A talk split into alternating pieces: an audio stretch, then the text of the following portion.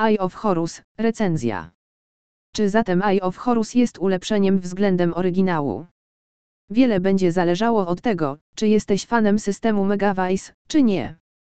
Monstrualna liczba sposobów na wygraną może nie spodobać się niektórym purystom, w takim przypadku aktualizacja nie przypadnie do gustu.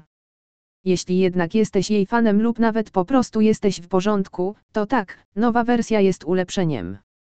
I nie chodzi tylko o to, że ma o wiele więcej dróg do wygranej. Kilka zmian sprawia, że Eye of Horus jest bardziej ekscytującym i dochodowym slotem. Zmienność i zwiększona maksymalna wypłata sprawiają, że wersja Megavice jest znacznie bardziej atrakcyjna. W tej wersji gracze mogą otrzymać maksymalną wypłatę w wysokości 10.000 krotności zakładu, co jest znacznie większe niż główna nagroda oryginalnego slotu.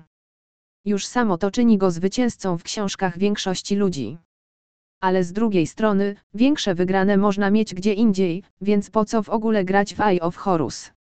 Lub fani lądowych slotów o tematyce egipskiej mogą chcieć zobaczyć, co ta gra ma do zaoferowania. Niezależnie od motywów, pierwszy Eye of Horus był wyraźnie popularnym slotem, a Blueprint ma nadzieję przyciągnąć fanów z powrotem dzięki swoim najnowszym zmianom.